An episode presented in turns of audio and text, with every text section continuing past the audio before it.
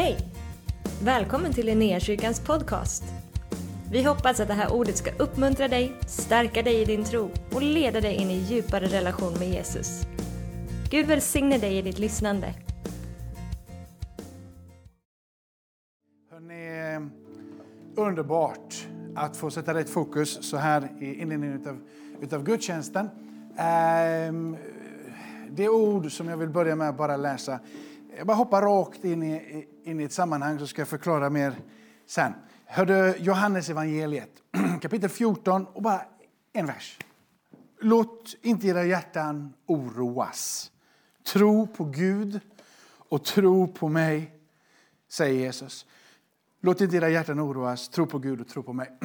Kapitel 14 föregås ju helt sensationellt utav kapitel 13. Det är nästan som ett helt mirakel. Men kapitel 13 här eh, eh, är ett intressant eh, kapitel. Ett kapitel där Jesus tvättar lärjungarnas fötter. Men det som slog mig, ehm, för den här versen från kapitel 1, 14, vers 1, var det som, vad som träffade mitt hjärta på riktigt. Det, det, här, det, här, det, här, det är det ordet jag får för den, här, för den här söndagen. Det är det här ordet som jag har fått till dig. Eh, oroa dig inte. Låt inte ditt hjärta oroa. Tro på Gud. och Tro på mig, säger Jesus. Jesus som är vägen, sanningen och livet. Som vi läser i vers 6. Enda vägen till Fadern. Enda sättet att lära känna den evige, den allsmäktige Guden är att komma till Gud själv genom hans son Jesus Kristus. Så eh, därför blir det väldigt spännande i kapitel 13. Jesus tvättar lärjungarnas fötter. Han tjänar dem och han instruerar dem att på något sätt göra det här med varandra. Älska varandra, ta hand om varandra, tjäna varandra. Och eh, precis i inledningen till, vers, eh, till, till kapitlet, andra versen där, så, så, så står det att redan då så hade faktiskt djävulen, det ska inte vara en predikan om djävulen, jag lovar, så var inte rädd du sitter där hemma, och, och, utan det ska vara en predikan om hur stor Gud är och mäktig Jesus är. Men redan, eh, redan där så står det att djävulen hade gett tankar. Den hade kommit en tanke. Från djävulen stod det till Judas att han skulle förråda Jesus. Mitt på den platsen så tjänar Jesus även Judas. Hela gänget, de sitter där tillsammans. Han är tillsammans med dem. Han vet vad som är på gång. Han, han känner att nu, nu börjar det här dra ihop sig. Han talar sen om att han som är mitt ibland, det finns en mitt ibland oss här som ska förråda. En som faktiskt ska eh, liksom, sända mig bort ifrån er. Um, Judas startar någonting som måste skapa någon form av oro runt omkring lärjungarna. Gemenskapen som innan hade varit Alltså de hade sett Jesus göra helande under, tecken, mirakel, gått på vatten. Han hade gjort så mycket så att de måste varit helt förundrade, häpnade, eh, kanske till och med bland skräckslagna. Folket hade vallfärdat för att höra denna Jesus tala om sin fader i himmelen. Nu så eh, börjar Jesus tala om att en av dem ska förråda. I samtalet som råder vidare här i kapitel 13, innan vi går in i kapitel 14, så säger Jesus att jag ska gå till en plats som inte ni kan hänga med. Om det var oro i lägret, skulle jag vilja säga, innan Jesus säger att jag ska gå till en plats som inte ni kan hänga på, liksom, ehm, så tror jag nog att eh, om det var oro innan så börjar någonting hända i deras hjärtan. Här, så nu, nu fattar vi ingenting. Han, den här Jesus som vi har gått tillsammans med, han har blivit vår broder. Han har tjänat oss här nu, tvättat våra fötter. Vi oroas över att han pratar om att det är någon som ska förråda. Vi har sett han göra helande. Vi har sett han tala till fariseerna på ett sätt och saddukeerna, de skriftlärda på ett sätt som helt krossade deras världsbild. De hade inga med ord att säga. Han hade rört vid publikanerna, vid syndarna, vid kvinnorna, vid barnen. Han hade rört vid den som var hög och den som var låg. Han hade talat rakt in i hjärtan till folken. Nu det han börjar säga, bara skapa oro. Inte nog med att han adresserat att djävulen har slagit in en tanke i Judas huvud att han ska förråda honom. Och han talade öppet för gruppen. Han talade om att jag ska gå till en plats som inte ni kan hänga på till. Så börjar han även säga Petrus, du ska förneka mig. Du ska förneka mig. Petrus, inte en chans. Du kommer förneka mig. Och det, det som sker här måste ha skapat oro. Det är då jag tror att Jesus talar till deras hjärtan. Ett ord rakt ifrån himmelen in i deras situation för att stilla deras oro. För att tala om för dem att även om det är så här, hörde, ni rår inte över situationen. Det är inte ni som har skapat den här oredan och oron som börjar hända. Det är inte ni som är orsaken. Men jag vill tala om att mitt i den här oredan som kommer hända, var inte oroliga. Låt inte ert hjärta tappa modet. Tro på Gud och tro på mig, säger Jesus. Hänger du med? Vilka ord det här måste ha varit till lärjungarna. In, här nu så följer kapitel 14, kapitel 15, kapitel 16 när Jesus talar på djupet om Faderns och hans relation. Jag är i Fadern och Fadern är i mig. Ni kan få vara en del av den här gemenskapen. Han pratar om Andens närvaro som ska utgå i hans namn från Fadern. Andens närvaro, sanningens ande, hjälparen som är där, ledsagare på som ger oss förståelse om skriften som uppenbarar för oss vem Gud är. Den heliga Ande.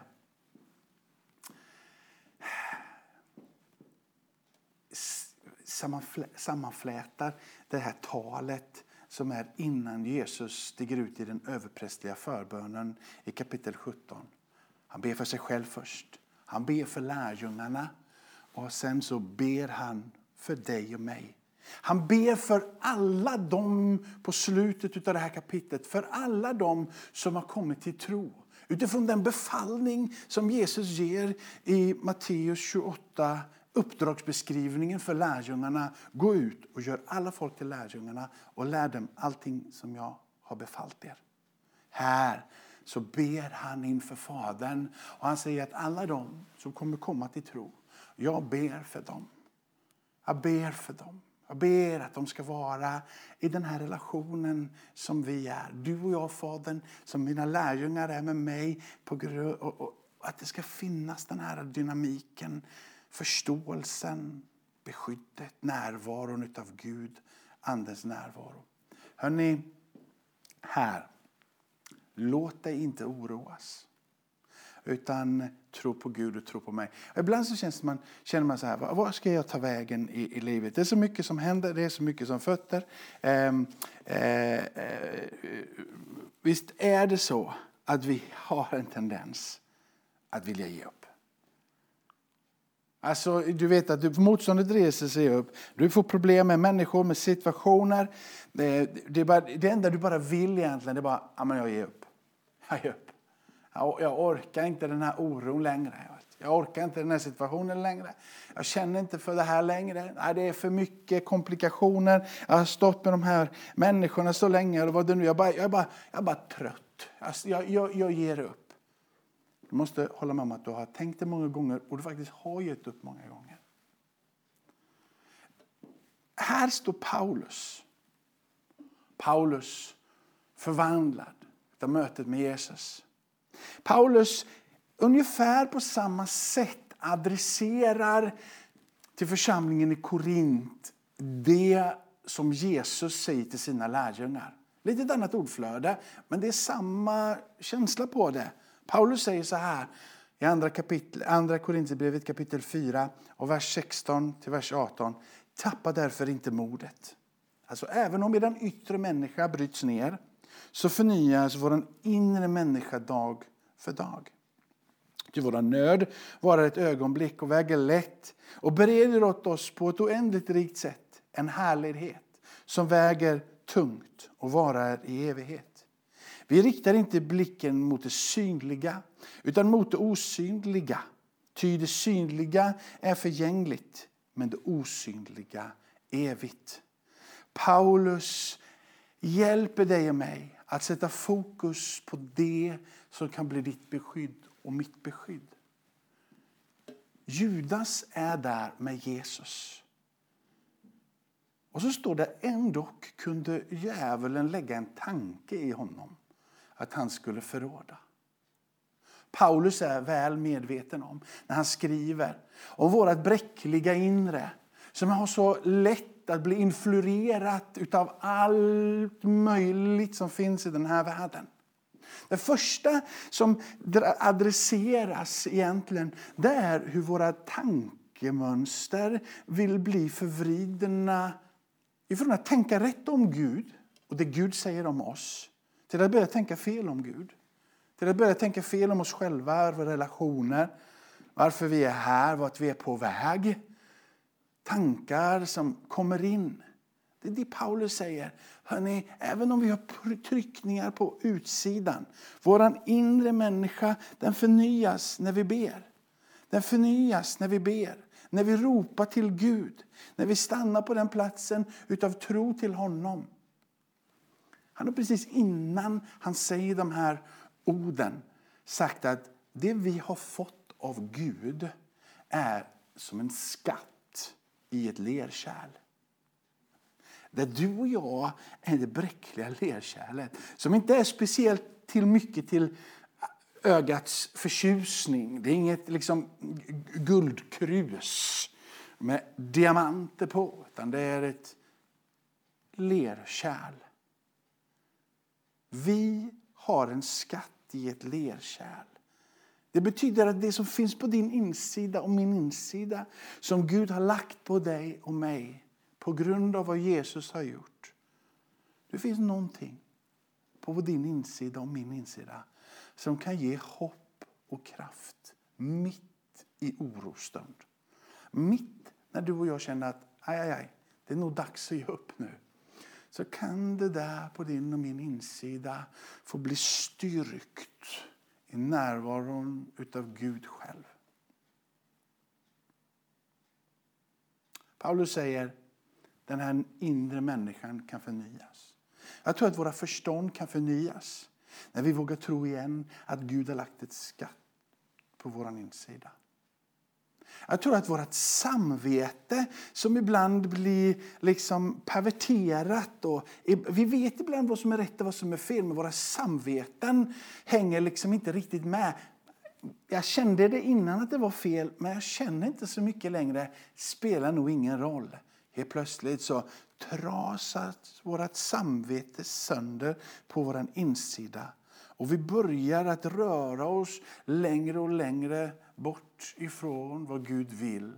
För samvetet, samvetet inte längre korrigerar oss. Sen ber Paulus, tror jag, när han pratar om den inre människan, om att du och jag ska få viljan, viljan att vilja följa Gud. Han påminner oss om att det vi har fått är en kraft. Det är en dynamit, det är en skatt. Låt det få eh, påverka hela ditt liv. Alltså, låt Jesu uppståndelsekraft, det som frälste dig, också nu få bevara dig. Du sträcker dig inte till din egen förmåga att hålla kvar vid Gud utan du sträcker dig till hans förmåga att hålla kvar i dig.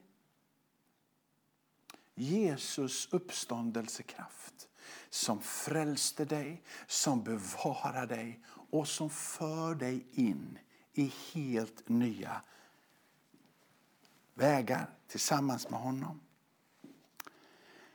Nyckeln är en förnyad överlåtelse. Jag överlåter mig igen till Gud. Jag överlåter mitt förstånd, mina tankar till dig, Gud.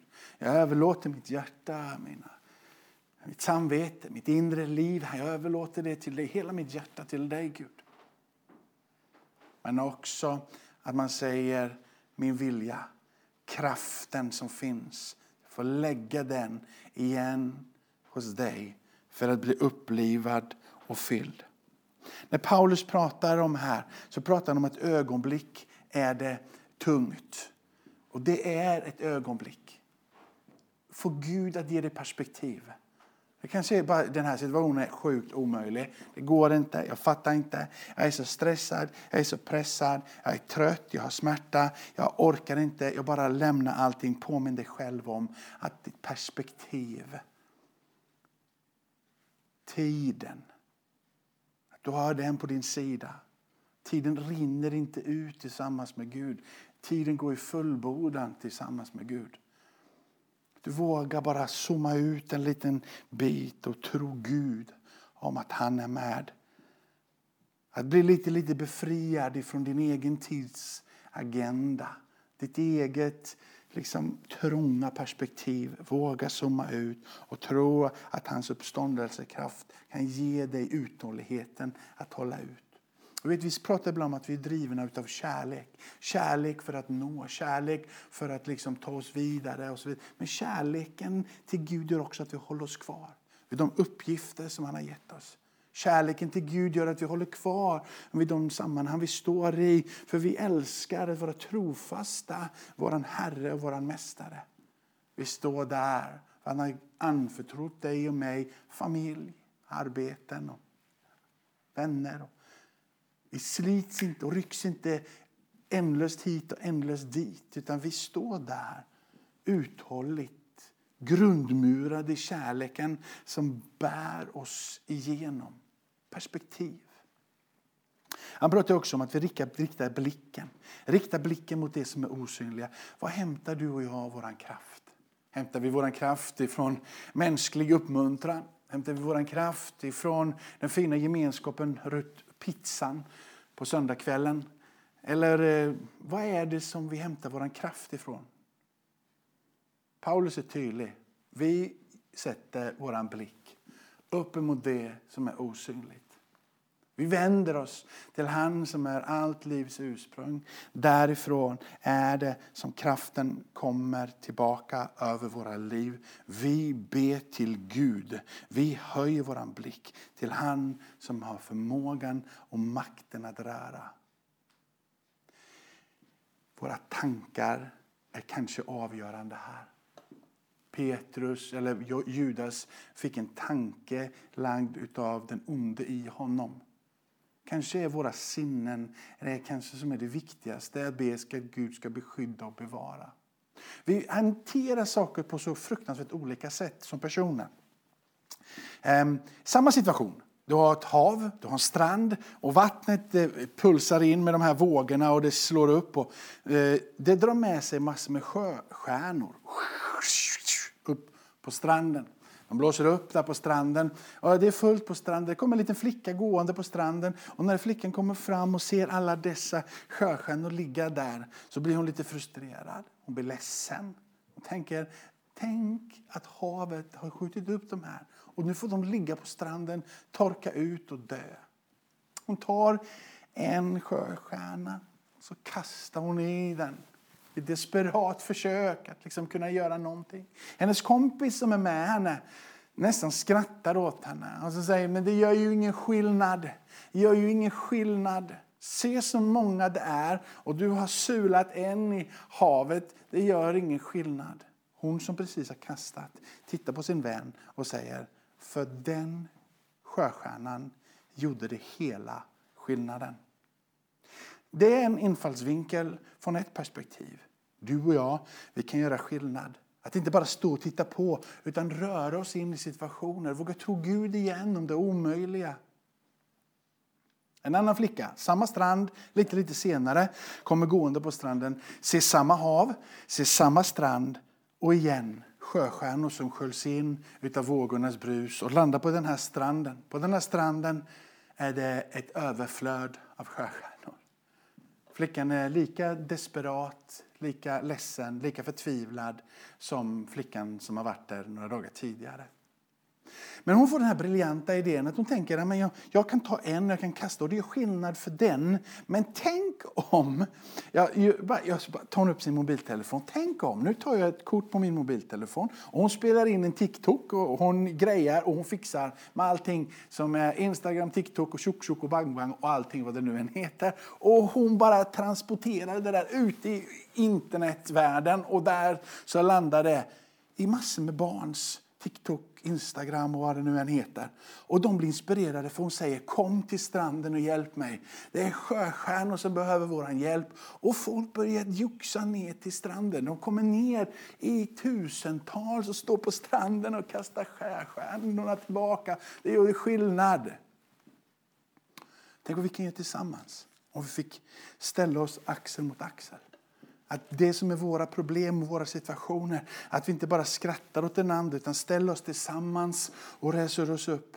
En kanske har fått insikten av att det gör skillnad att hjälpa en. Någon annan har fått insikten att vi kan göra det tillsammans. Kreativa idéer som skapar möjligheter. Olika personligheter, olika tankar, olika, olika vägar för att rädda. Båda behövs. En annan situation är det här. Och den här situationen kanske... Jag ber att det skulle vara du. Det kommer en flicka igen några dagar senare. Hon vet inte om de situationerna som har varit. Och nu så glider hon ner på stranden. Hon är lika förtvivlad när hon ser det stora havet, samma strand och nya sjöstjärnor som kommer upp. Hon är förtvivlad, hon gråter en skvätt och känner bara hela världen är det här. Och hon sätter sätter sig ner, nu kan inte jag illustrera det här för då försvinner jag ur bild, men sätter sig ner på stranden. Tittar djupt ner i havet. Och så bestämmer hon sig för, på sin insida, att det här måste få ett slut. Det här ska inte hända igen. Nu snackar vi förväntningar. Du sitter där hemma och bara det där är omöjligt. Det där är sjukt omöjligt. Det är typiskt naivt barn att sätta sig och gråta och bara säga. Men du vet att så är det precis det som Gud säger till dig och mig. Han säger att ni kan försöka och det är bra. Ni kan komma tillsammans och det är fantastiskt. Men sträck er till mig Låt min kraft få komma. Det där som är fullständigt omöjligt, som inte finns en chans på en miljon att det händer. Det där säger Gud, kom till mig med det oj, oj, oj, nu är det en sån där överförfriskad liksom, predikant som står och talar om tillsammans med Gud är allting möjligt. Ja, men om Gud finns, och han finns, så finns det alternativet. Eller? Alternativet är ju att Gud inte finns. Och då finns inte det alternativet. Men nu finns det alternativet. För att Gud finns. Och det är det som gör hela skillnaden för Paulus när han säger tappa inte modet. Vi kan för en kort tid bli nedbrutna, men vår inre människa kan få styrka och kraft. Jesus säger, låt er inte oroas. Tro på mig, tro på Gud. Det är signalen som Jesus ger sina lärjungar när han vandrar tillsammans med dem. Det är det han säger till lärjungarna. Nu lär ni dem allt som jag har befallt er. Signalen från lärjungarna till oss är de orden som kommer från Jesu mun. Tala om för dem att tillsammans med Gud är allting möjligt. Den tidiga kyrkan, många mirakler och deras budskap till oss som strömmar ifrån den nytestamentliga församlingen som föddes på pingstdagen är att tillsammans med Gud är allting möjligt. Låt mig be en bön för dig nu. Gud, för Gud är allting möjligt. Låt dig inte oroas. Tappa inte hoppet. Tro på Gud. Tro på Jesus. Inte glattigt, inte nonchalant. Men en innerlig kanske frustration. Med en eh, kanske brustet hjärta, brusten röst, kanske darrande röst. Bara säga Gud, jag har försökt allt. Om det finns en möjlighet, grip in i mitt liv. De här orden från Paulus har varit ord som har tröstat många kristna. Orden från Jesu mun har tröstat alla hans lärjungar. Låt dem få trösta dig. Låt dem få ge dig kraft idag. Nu ber vi. Tackar dig Fader i himmelen att du är med min vän som är där hemma. Att tro och liv får komma över. Hoppet i ditt namn som, som sträcker sig förbi alla omständigheter, alla problem. Det finns någonting i dig Gud som gör att vi blir förvandlade. En plan, tanke, en idé, möte. Så jag ber Herre, låt oss få dina tankar på våran insida. Om vilka vi är i dig och vad vi har tillsammans med dig. Och vi behöver frälsning, vi behöver frälsas ifrån oss själva, alltså räddas ifrån oss själva. Kanske är det någon där hemma just nu, Herre, som inte någon gång har bett den där bönen. Jesus, jag behöver dig. För den personen vill jag be just nu. Grip in, förvandla. Den som är där hemma säger, om du finns Gud. Jag har prövat allt, jag har försökt med allt. Nu försöker jag även med dig Jesus. Tack för att du är där just nu Jesus. Därför att du griper in Jesus, därför att du förvandlar Jesus. Därför att du frälser idag.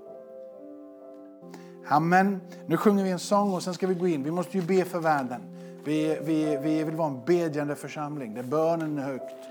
Vi, bön är ingenting som vi tar lätt på. Det är någonting vi gör bara lite sådär från, från, liksom från höften. Va? Utan bön, det är från djupet av våra hjärtan. Gud hör bön, Gud svarar på bön. Jesus bad, han instruerade lärjungarna att be. Lärjungarna barn, lärjungarna lärde den tidiga församlingen av barn. Det fanns ett grundmurat liksom, eh, förhoppning på bönen, att Gud hör bön i det judiska folket som återspeglas i Jesus, som återspeglas i lärjungar, som återspeglas i den nytestamentliga församlingen, som återspeglas i hela kyrkans liv. Gud hör bön. Var med och be. Vi vill be för dig och be. Så vi sjunger en lovsång och så går vi in i en stund av bön här tillsammans. Gud välsigna dig. Tack för att du har varit med oss.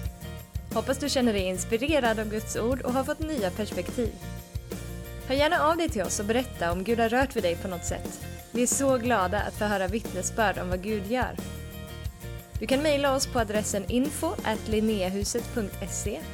och dit kan du även mejla om du har ett böneämne som du önskar att vi ber för. Eller om du har tagit emot Jesus och inte har någon bibel så vill vi mer än gärna skicka en bibel till dig. Skicka ett mejl med ditt namn och dina adressuppgifter till info så ser vi till att du får en. Om du vill ge en gåva till Linnéakyrkans arbete för att nå fler människor med evangelium så kan du swisha till 123 520 0993. Du kan också besöka oss på linneakyrkan.se för att få mer information. Välkommen tillbaka att lyssna snart igen.